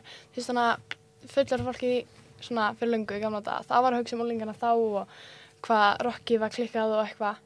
Og svo bara breytist það og sem það er krakkarnir sem var að hlusta rocki þeir orðin fullorðnir, þá eru þau sjálf að tala um úlingana sem Mm. eru þá, skilur. Þannig að þetta er bara svona vítarhingur sem er alltaf, þau skilji ekki alveg úlingamenninguna, bara alltaf. Að því hún breytist. Já, þú veist að við verum fullorðina þá Ef að þið verður að hlusta á Bíkís eða Bílana, þá myndu þau kannski þóla það frekar. Já, Já. Heldur það? já, líklega. Kannski breytist fullorðu fólk líka, stundur sagt að hérna, e, það var bíómynd sem hétt hérna innrás líkamsræningina, e, hérna, body snatches, að það gerist þegar maður eldist, þá taka fóreldramanns líkamamanns yfir og maður breytist í þá. Skiljið þetta? Um. Þá á ég við að, að nú er ég orðið bara eins og pappi var og ég er með sömu fórdamann og pappi var og hann er með sömu fórdamann og afi var með. Þannig að við breytust er veldust. Þannig að það væri kannski ekki, þið fengið ekki frið þóttu þið væri að hlusta á bílana og, og það sem að fóreldrarnir hlustu á. Nei, kannski ekki. Nei. Ég, nei. En hvað er með únlíka menningi núna? Hvernig er hún? Mm, Það sem að þið eigið sem er ólíkt við það sem að fullanda er með. náttúrulega Um, stærst. tæknin Já, og- já, tæknin. það að er bara það stærsta. Það er langstæsta því það náttúrulega er svolítið stór partur af lífi okkar en var ekki stór partur af lífi fóröldra okkar, það þau voru úlingar. Mm, og teknin er þá bara fyrst og fremst netið ekki. Já. Já. Þú veist, þetta er bara, þetta er orðið svo rosalega stórt, bara, Já, þetta er á svo stuttum tíma. Já. Og hvað, fyrir þá sem ekki, hvernig byrtist það með í megnið að eitthvað samskiptum í gegnum netið? Er það þannig? að þú veist, ég tala mjög mikið við vini mína, ég er í samskiptum með mjög mikið af fólki, þú veist, til dæmis á Snapchat Já. og eins og til dæmis skrekkgrúpan okkar, hún var mjög mikið á Instagram, þannig við vorum alltaf að senda á það Já, og bara, þú veist, samfélagsmiðlar koma mjög mikið, þú veist, bara skipta mjög miklu máli einhvern veginn fyrir Mm. okkar menningu. En haldið þetta sé svona eðlismunur að, að þið séu til dæmis kannski tengdari, flirri heldur en að fólk var áður en að netið kom? Að þið séu svona í reglulum samskiptu við svona starri hóp í staðin fyrir að vera kannski í, í skóla þar sem eru þrýr bekkir eða eitthvað svolítið að, að samskiptin hafi meira og meira verið bundi við það en nú getið þið haft samskipti við fólk bara Ég í held- Kína þess vegna? Ég held að það er léttara að hafa samskipti við fleiri núna en þú veist eins og pappi minn átti svona pennavinn og Já. og bara sendi einhvert Og flöskuskeyti. Já. En að og þú veist en ég held að það er mikið léttara að bara ég get bara sendið eitt skilabóð á bara eitthvað og ég get bara fengið svar bara svona.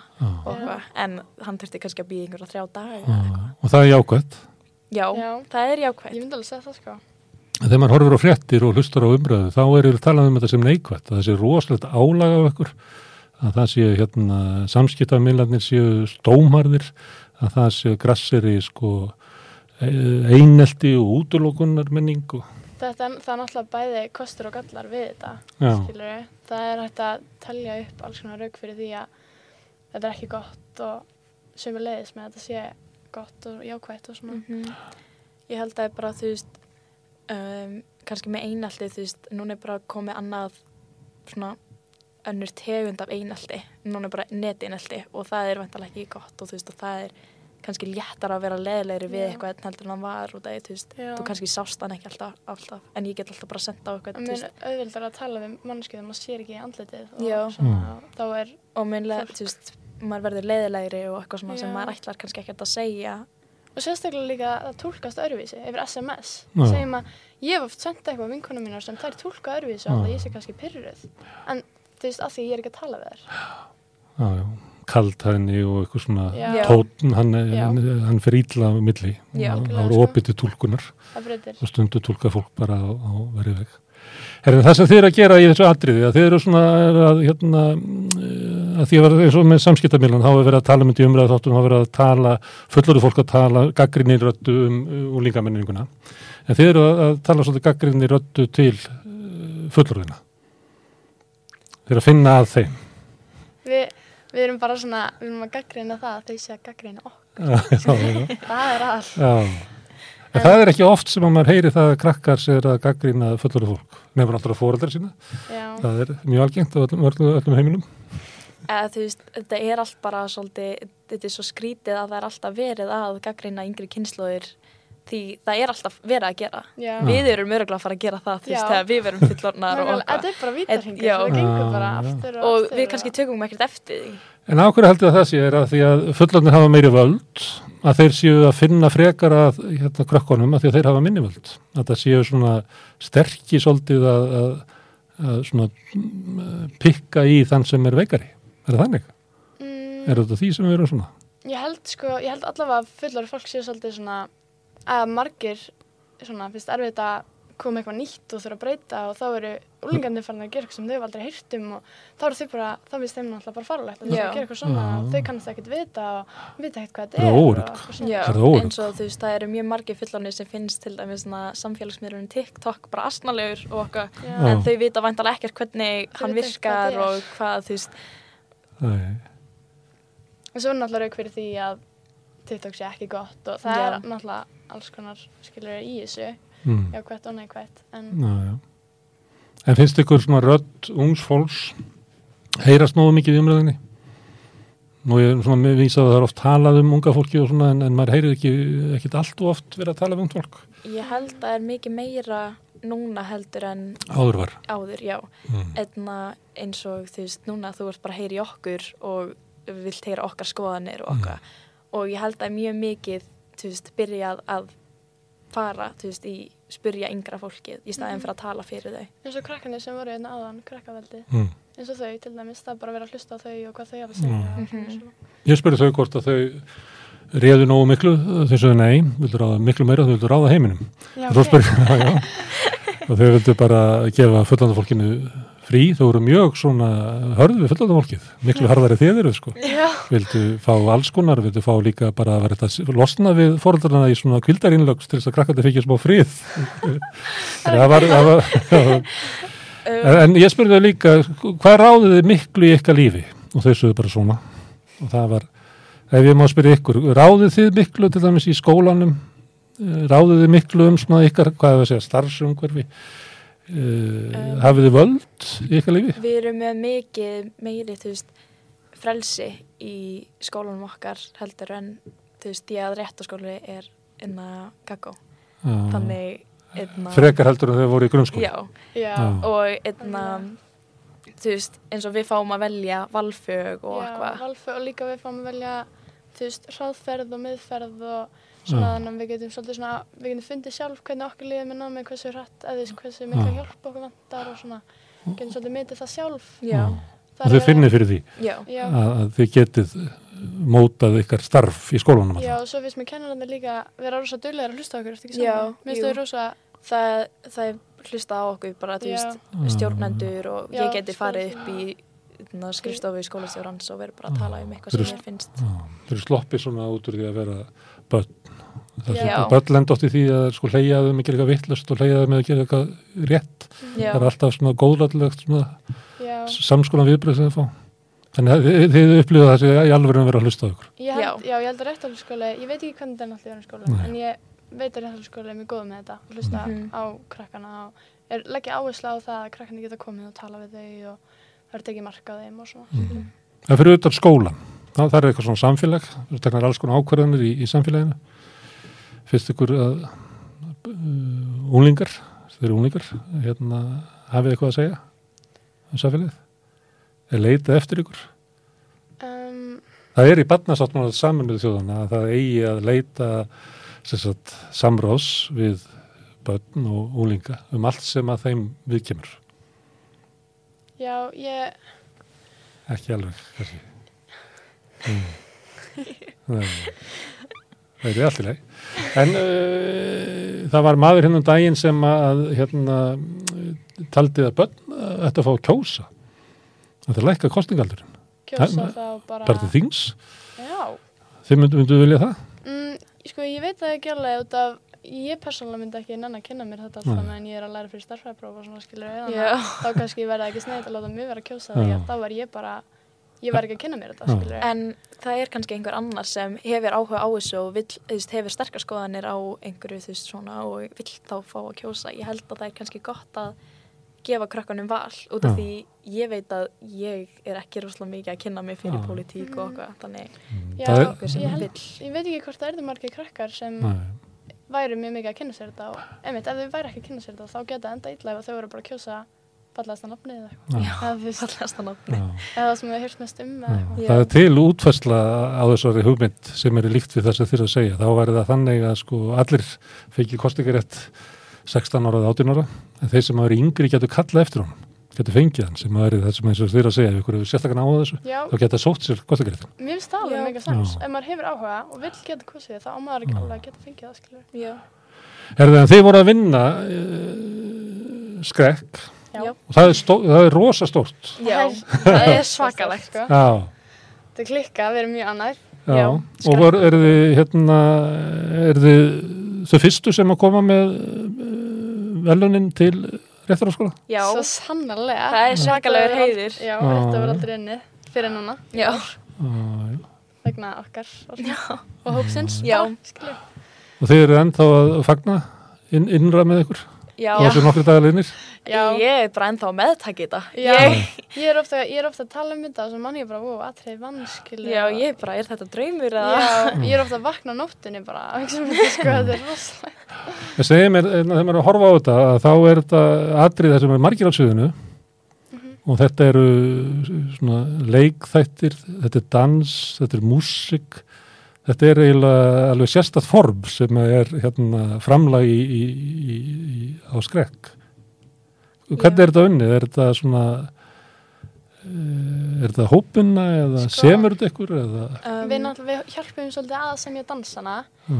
Við vorum hérna svona fjórar sem vorum eiginlega að semja þetta dansana, fimm og svo var leikurinn, það voru, það var svona eiginlega annar hópur sem svona svolítið ákveð leikinn, þannig að það var svona mjög, komur alls konar áttum, skiljur atrið, það er samsett úr alls konar, þú veist þannig að það voru krakkar sem sömdu leikinn og, og svo var líka sömur sem sömdu dansinn og komu inn með setningar í leikinn og svo hérna gítarsólu, það samti hann það sjálfur og, og þetta bara, Þetta var bara skólið mættur að gera, leggja sér En fram. þetta Bara- er samt alveg, þetta er öðruvísi í öllum skólum. Já. Í sumum skólum er þetta valfag og þá er kennari sem velur krakka inn og, Já.